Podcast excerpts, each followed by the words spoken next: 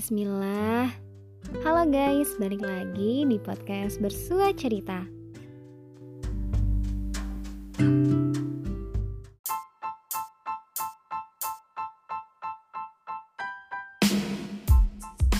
Episode hari ini aku ditemani sama orang yang paling famous se-FKWNS Udah eh nggak ding? Udah nggak se-FKWNS lagi nih mana namanya Seantero Indonesia bukan segalaksi Segalaksi, oke boleh. Segalaksi. sombong amat Aktivis di mana-mana. aktivis rebahan guys Udah lah ya, nggak usah kepanjangan perkenalannya. Pasti udah pada tahu lah. Siapa sih Kang Mehmet itu? Yes. iya video Mau perkenalan nggak? halo udah pada tahu kan Gak eh, panggil aja Memet kalau nama aslinya Karina nama cantiknya Karina tapi boleh panggil Memet salam kenal semuanya Eh, Halo Kang Mehmet, gimana kabarnya? Alhamdulillah wa syukurillah Eh harusnya dokter Mehmet ya, bukan Kang Mehmet lagi. oh iya bener beda ya Kalau mau dokter apa Kang Mehmet panggilannya? Kak Memet aja kecuali kalau mau jadi pasien saya boleh ya Oh ya, oke, siap, oke. Ini kita kalau podcastnya banyak ketawanya nggak apa ya? Iya, Emang. karena kita berdua memang tipenya adalah orang yang gampang bahagia. Wih. Jadi ya kak, Gimana tuh? aku tuh sering banget nih dibilang sama orang, ih bocil banget sih lu gitu-gitu. Emang emang aku kelihatan kayak bocil banget ya? Mana? Siapa? Siapa yang berani ngatain Maria bocil? Kan Ya kamu udah udah kan kamu udah pernah nih seatap sama aku. Iya. Maksudnya kamarmu eh, sesampingnya sama aku Mm-mm. bertahun-tahun lah tuh ya. Udah tahu lah ya Udah luar dalam. Apanya nih luar dalam? Iya, makanya Emang kamu aku sebocil itu ya? Maksudnya sampai orang bilang aku tuh bocil gitu. itu dia Mar. Bocil yang dimaksud dari orang yang bilang ke kamu, ih Maria bocil banget sih. Bocil yang seperti apa nih? Kita perlu mendefinisikan bocil. Kadang soalnya ada orang yang ngatain, eh kamu bocil banget ya gitu. Karena penampilan fisiknya ya. Mungkin karena Ah, si orang yang dikatain ini kecil, pendek, Hmm, hmm. kurus gitu. Jadi penampakannya, perawakannya itu kayak bocil. kayak bocil. Nah, bocah kecil, Kecil. atau bocah cicilan atau bocah penuh cicilan. Aduh, waduh. Udah bocah aja mas, Masih- eh, udah udah punya cicilan. cicilan ya? gitu. Oke. Gitu, Mar. Kita perlu didefinisikan dulu nih bocil yang kayak gimana yang dia maksud. Karakter juga bisa ya. iya bener banget. Kadang ada yang itu emang dia lagi marah terus ngatain tahu tuh bocil banget dah. Yang dimaksud adalah mungkin childish. Dalam artian sifatnya itu masih sifat kekanak-kanakan. Sifat yang misalkan maunya menang sendiri ya suka merengek kayak Kalau egois kecil itu lah. masuknya sifat anak kecil nggak? egoisnya egois yang seperti apa nih kalau anak kecil kita bilang egois kan mungkin karena dia pengen selalu diutamakan ya Hmm. karena masih ada sifat-sifat dependent Hmm. sama seseorang gitu jadi pengen selalu diutamakan pengennya dia yang dipikirin terus kayak gitu mungkin bisa bisa jadi masuk ke childish juga makanya dikatain bocil lah gitu. Atau bisa juga dia itu emang orangnya ceria gitu. Maksudnya kalau anak kecil itu kan bahagia atau senangnya itu gampang ya. Iya benar. dikasih permen dikasih balon tuh Langsung langsung, senang. seneng banget moodnya tuh langsung naik gitu. Bisa jadi orang yang bilangin kamu Maria bocil banget karena Maria itu orangnya gampang ketawa. Weh. tuh kan gampang dibikin tersipu-sipu tersapu-sapu terapa lagi Ya, Nah, gampang buat itu. aku bahagia. Deh. itu dia bisa jadi loh orang ngatain kamu bocil karena kamu tuh ceria orangnya Wih deh Amin. Amin gitu. Makanya kita perlu lihat-lihat dulu. Kadang orang ngatain bocil tuh ngeliat dari mimiknya juga gak sih? Kayak kalau misalkan lagi marah gitu, gemes, marah, gemes gini gitu ya. Eh, kalau gemes, ih bocil banget sih itu kan berarti kayak eh, kamu tuh imut kayak anak kecil gitu. Tapi kalau bocil banget sih. Ini Nah, mau jadi itu- kayak promosi gue sih. Iya. kalau ngomongnya ih bocil banget sih, itu kayak marah. Itu berarti mungkin kamu dinilai eh, kekanak-kanakan dalam Harusnya aku lagi nggak di, di posisi itu mungkin harusnya nggak kayak gitu. Heeh. Tapi Aku malah kayak gitu gitu ya. Mm-mm. Atau karena kamu orangnya ceria, gampang bahagia jadi dikatain ih bocil Mm. atau ya tadi kamu perawakanmu kecil dan pendek tapi kayaknya nggak mungkin deh kalau yang terakhir ini kecil pendek tapi emang aku kecil sih kak. Kecil sih ya tapi nggak pendek-pendek banget sih Mar. Iya ya iya karena ada kan yang eh mohon maaf bukan main fisik ya tapi Hmm. fisiknya memang dia kecil gitu jadi orang-orang ngatain dia bocil. Gitu kayak bocah TK gitu lah iya benar sih benar. Gitu. Emang sebenarnya kalau orang dianggap dewasa tuh emang kayak gimana sih? Maksudnya gimana ya pasti kan ada yang dibilang bocil ada yang bilang dibilang dewasa gitu. Iya bener ya. Lawannya lah gitu. Kita kita main lawannya deh. Oh Maria, oh Maria juga sering dikatain di Maria dewasa banget. Enggak, enggak, orangnya. enggak. Enggak enggak. Kata siapa? Enggak juga, makanya aku nanya. Iya Mar, soalnya tuh kadang kita sering nggak sih kayak ngelihat dari foto doang atau dari apa tuh dari video doang potongan Hmm. video kayak ih dia dewasa banget ya orangnya. Padahal mah belum ketemu langsung gitu kan. Ih dia Iya. dewasa banget ya. Biasanya tuh kalau pakai make up gitu nggak sih kak? Jadi kelihatan ih kamu kok jadi kelihatan dewasa sih pakai Nah, make up? Kayak gitu. itu. emang sebenarnya dewasa tuh emang cuma dilihat dari fisik doang? Itu dia. Enggak kan? Itu dia. Kita juga harus mendefinisikan dewasa itu seperti apa. Dan soalnya tuh banyak juga nih ya kak, aku tuh sering banget nemu percakapan kayak gini. Kamu tuh dewasa dikit kenapa sih? Gitu? Ya nggak sih kak, sering nggak sih kayak ada orang ngomong, ya misalnya nggak ke kita lah gitu, misalnya ke Mhm. orang lain. Atau misalnya kayak, kamu kan udah dewasa nih, harusnya kamu tahu dong harus ngapain. Kayak gitu. Emang ya emang dewasa tuh orang dewasa tuh harus yang harusnya tuh bisa apa sih gitu kan? Kadang juga nggak ada nggak ada patokan dewasa tuh kayak gimana sih apakah emang itu cuma dicap dalam umur kayak gitu yang 18 tahun sampai berapa tahun ke atas gitu kan apa cuma kita bisa bilang dewasa itu dari umur aja atau gimana sih sebenarnya Nah, definisi dewasa itu banyak yang bisa kita definisikan tentang sebuah kata dewasa gitu. Mungkin teman-teman yang dengerin juga punya definisi sendiri-sendiri ya. Kalau mendengar kata dewasa, oh dewasa itu seperti ini gitu menurut pribadi masing-masing gitu. Cuman kalau misalkan kita lihat, misalkan nih kita mulai dulu dari yang deket-deket aja dah, yang sering dipakai ya. Dari kedokteran sendiri deh. Kan kita dokter nih ya nggak? Gila, gila, gila, gila. Masya Allah. Wih. Allah Dokter, kalau dokter itu kriteria dia masuk poli dewasa sama poli anak tuh batasan umurnya berapa ya, Mar? 18 18 plus satu hari 18 plus 1 hari dia udah masuk ke poli dewasa ya. Ah, ah. udah Oh, bisa poli. udah bisa ngisi inform konsen sendiri lah gitu Nah, oke. Itu dari menurut kedokterannya ya. Hmm. Tapi kalau misalnya kita lihat dari bidang lain, misalkan hukum deh, hukum hukum pidana. Nah, Eh, itu tuh seorang beda-beda anak, kan? iya, seorang anak itu masuk ke penjara anak itu kalau 18 tahun ke bawah, kalau nggak salah ya. Hmm. Tuh, kalau hukum perdata Hmm.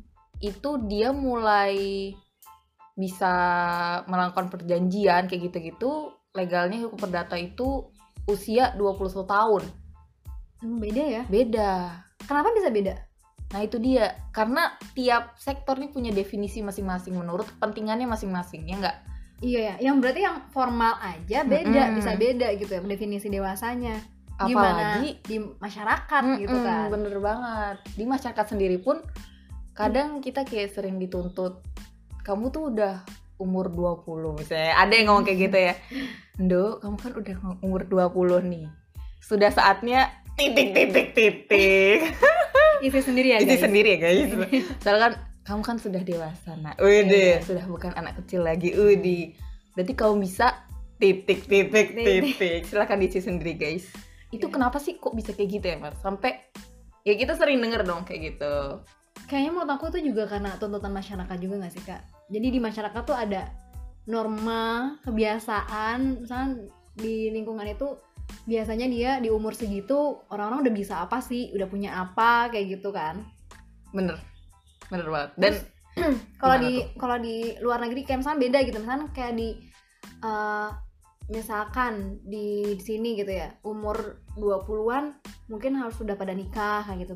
Sementara kayak di luar negeri di Amerika apa di mana di barat gitu mungkin umur 30 apa 30-an itu baru nikah kayak gitu kan beda-beda gitu. Jadi tergantung kulturnya juga kan sebenarnya.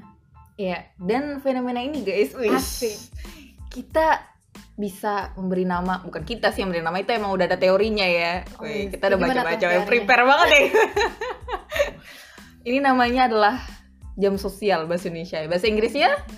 Social Social clock. Wih, apakah itu? Social clock itu ceritanya tadi definisinya bisa beda-beda antar daerah, apalagi antar negara ya, di mana dia itu didasarkan kepada norma sosial yang berlaku. Jadi ekspektasi masyarakat terhadap umur masing-masing gitu. Misalkan eh, jenjang umur 20 di masyarakat norma sosialnya itu sudah apa? Udah kerja. Sudah kerja, sudah mungkin sudah menikah. Ada kan daerah-daerah seperti itu. Hmm. Jenjang umur 30 dia harusnya sudah apa? 40 apa? Gitu. Jadi eh, norma sosial yang berlaku di daerah-daerah tertentu. Itulah yang dinamakan dengan social clock atau jam sosial. Wih, bukan jam sostek ya guys, beda ya guys. Jaminan dong itu dong, Bu. Iya bener. Nah, oh, berarti pantas aja ya Kak banyak kayak ibu-ibu yang suka ngejulitin gitu kalau misalkan kondangan lah gitu. Lo kapan nikahnya? Lo kapan kerja kerja udah kerja di mana gitu? Udah punya anak berapa? Jadi sebenarnya tuh karena ada itu kan Kak, karena ada social clock itu kan. Bener, itu tanpa sadar ya. Maksudnya kita Hmm. selama ini udah udah ada itu di masyarakat, cuman Kita nggak tahu itu apa tahu sih itu apa sih namanya itu apa sih. Ternyata dari ahli Sosiologi. sosial, Eh, eh bukan psikologi. psikologi ya, ahli sosi- psikologi itu sudah menamakan ya. Ternyata nggak cuma di Indonesia doang guys itu, di mana-mana tuh ada yang namanya social clock gitu. Sebenarnya itu menguntungkan nggak sih Mar? Itu gunanya social clock tuh sebenarnya buat apa sih? Ya social clock ini tuh bisa bikin kita tuh diterima sama masyarakat kak. Karena kan dia Hmm. emang berdasarkan norma kebiasaan di masyarakat kan. Mm-mm. terus kita juga jadi tahu posisi kita tuh di mana sih? Masa di usia kita yang segini nih usia 24 ya itu kita harus udah bisa apa? Harus udah punya apa? Kayak gitu. Jadi menurut aku lebih tertata sih kalau ada social clock ini. Tapi memang si social clock atau jam sosial ini berevolusi ya. Karena Hmm. kan misalkan ya, kita ambil aja contoh orang zaman dulu 20 tahun, bahkan mungkin 20 tahun ke bawah, ke bawah ya. belasan juga ya Belasan ya. Hmm. Itu tuh udah banyak yang nikah ya, banyak yang nikah. Iya, Cuman makin ke sini makin ke sini tingkat pendidikan makin tinggi ya, kemudian juga makin merata dibanding dulu ya, dibanding cewek dulu cowok boleh cewek cowok boleh betul jadinya juga ya usia pernikahan juga makin mundur sih.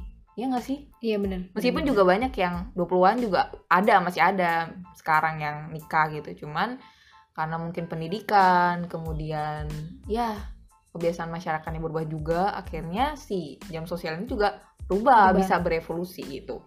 Cuman kalau tadi sih ini kan ekspektasi masyarakat ya. Jangan sampai sih ya nggak sih kayak masyarakat tuh berekspektasi kita tuh 20 udah punya rumah misalkan ya WD jangan sampai ekspektasi itu membuat diri kita akhirnya ngedown. Hmm, jadi sebenarnya mungkin jadi kan itu motivasi gitu nggak sih? Mm-mm. mungkin ada plus minusnya kali ya. Hmm.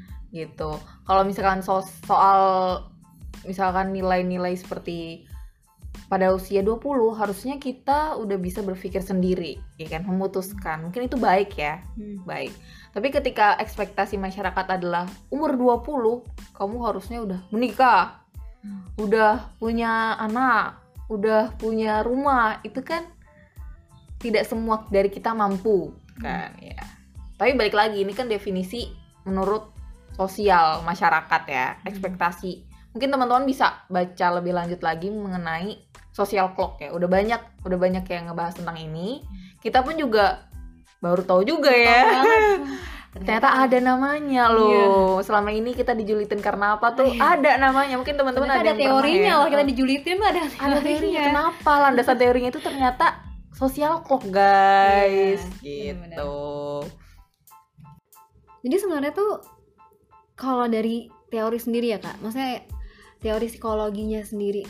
Kan dewasa itu kan harus diasah ya kan nggak mungkin kita umur 18 langsung kecap dewasa tuh kan nggak mungkin kan. Maksudnya perlu diasah perlu di eh, kasih tahu nih ini tuh kamu harus kayak gimana kayak gimana ya nah sebenarnya ada nggak sih yang patennya gitu?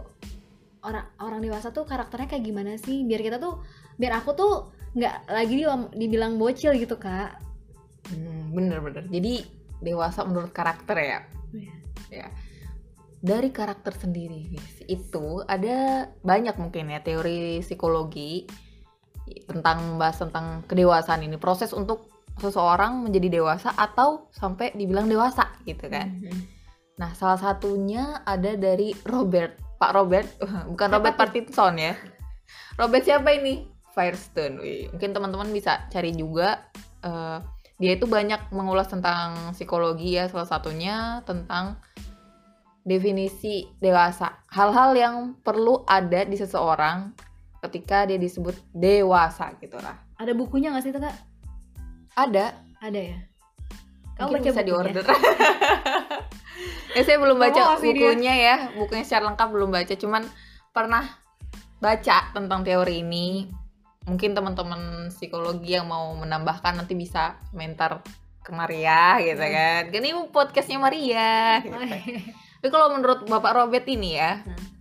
yang pertama orang dewasa itu dia rasional udah bisa berpikir rasional jadi otaknya itu udah bisa dipakai mikir misalkan dia ini apa ya rasional Bisa tahu yang bener yang bener yang bener yang mana, yang salah yang mana gitu ya kak? betul kalau Oh. anak kecil itu kan istilahnya dia masih kertas polos ya teman-teman Hmm. belum dikasih tahu benar itu yang mana definisi benar definisi salah. Jadi belum bisa berpikir ya. Hmm. gitu. Perlu diberitahu. Tapi kalau misalnya orang dewasa dia sebenarnya memang ada yang perlu diberitahu juga ya. Cuman dia sudah punya standar lah. Maksudnya standar kebenaran. Yang ini tuh benar yang ini tuh salah gitu. Jadi sudah bisa berpikir rasional gitu. Tapi itu juga tergantung sama cara didik nggak sih kak? Bener. Ya kan tergantung orang tua juga gimana cara dia didik anaknya untuk ngasih tahu yang mana yang benar yang mana yang salah. Gitu. Karena kalau misalkan dia diting- dia tinggal di rua- keluarga yang misalkan eh, suka nyolong gitu ya, suka Mm-mm. dari kecil dia diajarin buat nyuri gitu. Mm-mm. Mungkin dia nggak tahu kalau nyuri itu sebenarnya nggak bagus gitu, nggak baik gitu. iya betul sekali makanya itu tadi Mars seperti yang kamu bilang Mm. dewasa itu perlu latihan perlu dilatih Mm. perlu diberitahu. Jadi nggak bisa ujuk-ujuk ya. Mm. kita langsung wih dewasa. Baru lahir langsung wih dewasa. Gila gimana ceritanya tuh? Gitu. Itu yang pertama. Masih ada lagi nih. Yang kedua dia udah tahu menetapkan tujuan dan tahu caranya untuk sampai di tujuan tersebut. Gitu. Punya visi misinya gitu ya. punya Kak. visi misi. Jadi istilahnya pikirannya itu ya kalau bisa kita pakai bahasa yang lebih sederhana Hmm. pikirannya itu udah lebih ruwet daripada pikiran anak kecil Hmm. kalau anak kecil itu kan kalau pengen sesuatu dia merengek ya kalau misalkan nggak Nggak dikasih nggak diturutin ini merengek ya Mm-mm. merengek misalkan bu pengen balon gitu ngerengek karena nggak diturutin dia jadi nangis tiba-tiba gitu tantrum kalau orang Hmm. dewasa kan kita lihat nggak mungkin kayak gitu ya misalkan Hmm. dia minta ke temennya eh gue pengen dong ditraktir eh terus hah biar sendiri lah temennya gitu nggak mungkin kan dia di resto tiba-tiba nangis itu merengek nggak pengen Bener. ditraktir gitu eh auto dikatain bocil dong Iya, Eh, benar, benar, benar, benar. Oh iya bener sih. Karena anak eh, misalnya anak kecil taunya untuk mendapatkan permen ya dia dibeliin gitu. Heeh, Cuma tahu betul. itu aja satu Iya. tujuannya. Kalau orang dewasa mungkin punya rencana A B C D E Heeh, sampai Z gitu nabung kan. misalkan Hmm. oke Nggak nggak dibolehin nabung. beli nih gitu udah aku nabung sendiri deh buat dapetin itu gitu Iya, kan. Jadi udah bisa eh apa memilah-milih gitu ya. Hmm. tuh ada jalan lain menuju Roma. Wah. Mungkin anak kecil nggak tahu gitu Iya. kan. Terus selanjutnya tuh ada lagi nih. Dia ada kesetaraan dalam hubung- hubungan gitu. Ingin kesetaraan dalam hubungan. Kayak gimana tuh kak? ya intinya dia itu udah mau dianggap itu dalam sebuah hubungan mungkin ya. Jadi kalau misalkan anak kecil itu kan waktu masih kecil misalkan bayi cewek gitu. Ditimang-timang sama orang lain cowok yang udah gede Hmm. nggak apa-apa dipeluk-peluk nggak apa-apa gitu. Tapi kalau misalnya udah udah gede dipeluk-peluk kadang ada rasa risih gitu. Karena dia sudah bisa berpikir tentang hubungan interpersonal terlebih lagi tentang hubungan lawan Jenis. jenis. Kayak gitu. Ah, iya sih ya kan? Lanjut lagi ada yang namanya aktif keaktifan. Beuh. Jadi kalau orang dewasa itu ya dia itu kalau menyampaikan ngomong itu dia udah komunikasinya komunikasi asertif. Apa? Apa? asertif Asertif. Iya, Oke. mungkin teman-teman psikologi udah sering denger nih asertif gitu. Eh sederhananya ketika dia berbicara nih, itu udah mengandung hal-hal yang menurut dia itu nilai-nilai yang dia pegang gitu. Kebenaran dan kesalahan gitu. Jadi ini benar, ini salah gitu. Kalau anak kecil kan dia kalau ngomong seringnya asal nyeplos ya. Plus, Eh, ah. polos, Oke. jujur. Makanya sering bilang gak sih kayak sering dengar gak sih kayak anak kecil tuh Nggak bisa bohong. nggak bisa bohong gitu atau lebih tepatnya anak kecil itu dia belum punya nilai-nilai gitu loh misalkan kalau orang dewasa itu lebih menjaga omongannya Hmm. gitu kan takut orang lain terluka nggak boleh gitu nanti orang lain terluka Hmm. gitu kan kalau anak kecil kan kadang eh, asalnya plus bikin temennya nangis orang tuanya ngasih tahu ya kan? Hmm. jangan kayak gitu sayang. Nggak boleh. Kalau kayak gitu nanti temennya jadi sakit hati. Sedih. sedih. Nggak boleh ngomong jelek seperti itu. Jadi ada yang memberitahu.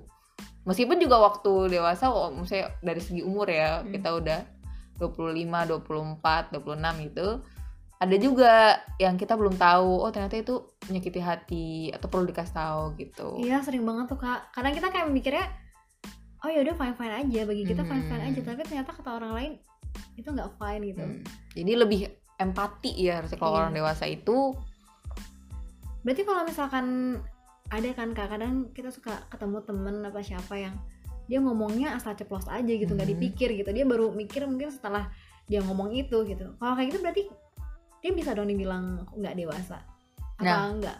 kalau dari poin-poin ini ya, maksudnya Hmm. dari teori, eh, kalau dari sini kan sebenarnya ada enam poin ya, enam Hmm. poin yang mendefinisikan kita sudah betul-betul dewasa gitu Hmm. kan.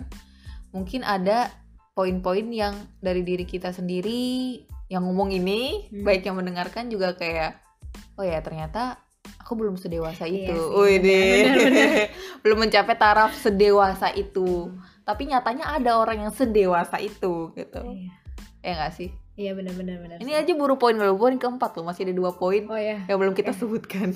Lanjut lanjut lanjut lanjut. Lanjut dulu ya. Yang poin kelima adalah keterbukaan. Maksudnya gimana? Jadi ketika kita dapat kritik ya, kita dapat Hmm. kritik, ya pastinya dong awalnya kayak maknyes gitu, mak jelek. Hmm. Kayak defense gitu, kayak oh Nggak gitu. gak gitu, ya. denial gitu kan. Hmm. Tapi kalau orang dewasa ini dia beriringan gitu, mekanisme survivalnya itu beriringan dengan rasa memunculkan ide, ide baru. Jadi kayak oh iya ya. Jadi kayak introspeksi. Ah. Survival dan introspeksinya itu berjalan beriringan Hmm. gitu. Hmm, jadi open minded gitu ya kak ya? Mm-mm, jadi terbuka terhadap kritik. Jadi dia bisa mengolah kritik itu ada hal-hal baik yang bisa dia ambil. Dan itu bisa ngebangun diri Ngebangun dia. diri dia. Itu dia. Benar. Itu yang kelima. Yang terakhir, ada yang namanya personal power. Jadi dia tuh udah punya kekuatan atas diri dia sendiri. Kalau anak kecil kan dikasih pilihan, biasanya orang tuanya yang memilih ya. Atau kayak misalkan ini gak sih kak, misalnya dia dikatain, terus dia kayak Mm-mm. gue aduin lu sama tua gue gitu. Jadi powernya dia itu masih Ada dependent banget lain, ya, hmm. heeh. depend ke orang lain gitu. Hmm. terutama orang tua biasanya ya yang jadi Iya. support pertamanya gitu. Tapi kalau misalkan orang dewasa, dia sudah punya kekuatan penuh atas dirinya. Istilahnya segala keputusan nih, mau orang lain ngasih masukan gitu ya, itu s- keputusannya tuh di tangan dia. Dia mau memilih apa gitu. Makanya kalau inform consent kedokteran itu Mm-mm.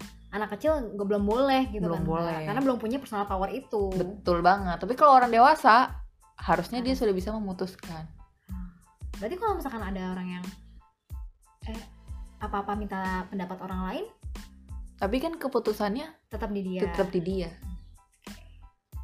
Itu dia. Itu tadi 6 menurut si Robert person. Firsten hampir nyetuk Pattinson loh artis tuh coy gitu Oke. Berat ya kak ternyata jadi orang dewasa. Aku pikir tuh ya ya udah ngalir aja gitu. Tapi ternyata ada yang harus kita lakuin gitu buat jadi orang dewasa. nah itu mat ada pernah dengar gak sih kayak orang bilang ih capek ya jadi dewasa pengen balik ke anak kecil lagi Iya Ih, benar-benar. itu karena mungkin ki- dari kitanya sendiri yang mendefinisikan dewasa itu kaku gitu. Dewasa itu kaku dewasa menjadi dewasa kamu tuh nggak boleh jadi senang-senang. Senang-senang kayak anak kecil kan Hmm. ceria gitu terus cengengesan kayak anak kecil gitu. Aku tuh banget. Aku juga. Ya sama nah mungkin definisi-definisi seperti itu yang membuat kita menjadi kaku. Padahal kalau misalnya kita lihat tadi intinya adalah kalau dari pemikiran ya dewasa itu adalah kita sudah bisa berpikir tentang diri kita dan orang lain intinya adalah kita memposisikan diri Hmm. ya. kita mulai berempati kepada orang lain terhadap diri kita kita sudah bisa mengambil keputusan intinya itu di luar itu misalkan kayak kamu orangnya cengengesan cengengesan dalam artian eh, gampang senyum gampang ketawa ya kan ceria. Bukan berarti kamu nggak dewasa bukan berarti kamu bener-bener childish yang bocil gitu loh. Hmm. gitu. Definisi-definisi kaku yang beredar di masyarakat mungkin di otak kita juga itulah yang membuat kita berpikir bahwa menjadi dewasa itu tidak menyenangkan. Dan kadang tuh juga karena ekspektasi juga nggak sih kak? Kita baru ekspektasi dewasa tuh harus kayak gini harus kayak gini dan ya udah kaku jadinya kan. Padahal sebenarnya ketika kita mengurangi ekspektasi itu ya bisa aja dengan mudahnya kita bahagia gitu dengan menjadi dewasa. Iya Mar. Apalagi ditambah dengan adanya jam sosial. Sosial clock sosial clock ya. di mana ekspektasi masyarakat tuh misalkan nih kamu usia 20-an harusnya kamu udah kerja. Ya enggak? Iya kadang itu yang membuat diri kita itu menjadi kepikiran terbebani. terbebani, stres, jadi nggak enak lah bawaannya. Padahal yang paling penting adalah kita berusaha, Iya. ya nggak? Berusaha agar kita itu bisa hidup mandiri, ya Hmm. kan? Dengan kita sudah menjadi legal dalam artian usia nih ya, Hmm. itu kita sudah bisa bekerja. Yang penting kita berusaha untuk mencari penghidupan, bukan masalah ekspektasi masyarakat kita harus punya pekerjaan yang bagus, mapan dan sebagainya. Itu dia sih yang bikin merasa terbebani. Hmm. Jadi sebenarnya social clock itu penting nggak sih kita ikutin? Harus nggak sih? Gini, social clock itu kan dia universal ya. Hmm. Dia juga menyangkut perilaku ada, karakter ada, ada juga yang selain itu. Misalkan kayak tadi nikah lah, kerja lah, apalah. Itu kan yang beredar di masyarakat social clock itu ya. kalau menurutku ya yang penting diikutin adalah yang bagian perilakunya. Cara kita menempatkan diri. Cara kita bermasyarakat dengan bersosialisasi. Dalam artian kita berempati kayak gitu. Tapi kalau selain itu di luar itu misalkan kita harus eh harus kerja kuliah lagi harus kerja harus punya anak harus nikah. Itu menurutku kurang penting ya untuk kalau diikutin kayak nggak urgent gitu kan karena tiap orang tuh punya fase beda-beda Hmm. di situ ya kan Punya time zone-nya time masing-masing. zone-nya masing-masing gitu Yang penting bahagia lah kayak. Mhm. Yang penting dia Bahagia dewasa. dengan-. Nah, dewasa tapi dewasa yang bahagia menurut orang masing-masing gitu. iya bener dewasa yang bahagia bahagia Dan- dengan apa yang kita miliki Iya benar. Dan tetap ngikutin norma-norma yang ada gitu kan. Iya betul. Yang paling penting adalah ketika kita berbicara tentang dewasa ya, Hmm. menurutku adalah karakternya.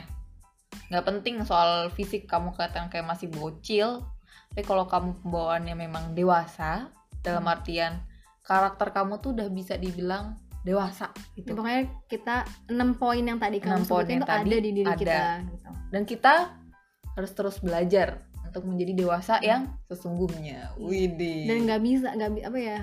Mungkin nggak bisa langsung enam-enamnya itu ada di dalam diri kita ya satu-satu dulu ya nggak apa-apa gitu kan. Iya, bener banget, Map. Jadi ya, kalau misalkan kita bisa ngambil kesimpulan ya, sebuah kalimat penutup untuk diskusi hari ini. Wih. Diskusi ya kita ya. Iya, diskusi ini. Iya. Kita bukan buat menggurui teman-teman yang mendengarkan, tapi kita berdiskusi soal definisi dewasa. Jadi definisi dewasa itu bervariasi. Dan untuk sampai pada titik definisi tersebut, perlu latihan, pengarahan, dan gak bisa instan. Dan ketika kita menuntut orang lain untuk berperilaku dewasa, lihat dulu nih, diri kita udah sesuaikah dengan definisi dewasa yang kita punya? Gitu, Mam. Jadi kita nggak boleh nih ya kak menjudge seseorang tuh langsung kayak lo harus dewasa dong kayak gitu bener emang lu udah dewasa dengan lo ngomong kayak gitu gitu Iya, ih, gila, gila, gila. Karena itu tadi dewasa kan nggak bisa instan dan dia terpengaruh oleh didikan ya nggak sih? iya benar Iya. jadi tiap orang juga beda-beda de- dewasanya gitu kan Bener. gitu terus ya semoga dengan diskusi kita ki- kali ini Is. Apa nih Mar? Semoga Bisa. dengan diskusi ini, bisa diambil pelajarannya ya guys amin. ini beneran deh kayaknya kayaknya podcast pertama aku yang bener-bener bermutu dengan ada pakai searching dulu Wih, kan harus tahu guys, kita habis literatur review. Wih, Wih. iya nggak literatur juga sih baca-baca literatur. ya ini ini sih niat paling niat sih paling niat collab paling dulu, dulu. terima kasih loh Kak Mehmet loh Jadi jauh-jauh dari ya. Pamulang ke Cinere cuma buat bahas Membuat- gini doang Iyo, Nggak doang sih, ini tuh ini nggak doang. sih. Ini penting dan ya. Jadi kita jadi banyak belajar juga ya Mar ya. iya bener banget bener banget Makanya teman-teman harus didengerin nih podcastnya Maria. Parah kalian kalau nggak dengerin. Udah capek bikinnya. makasih loh Tapi dipromosiin loh Iya iya. ya makasih ya guys udah dengerin podcast aku dan Kak Mehmet hari ini. Sampai jumpa di podcast selanjutnya. Dadah. dadah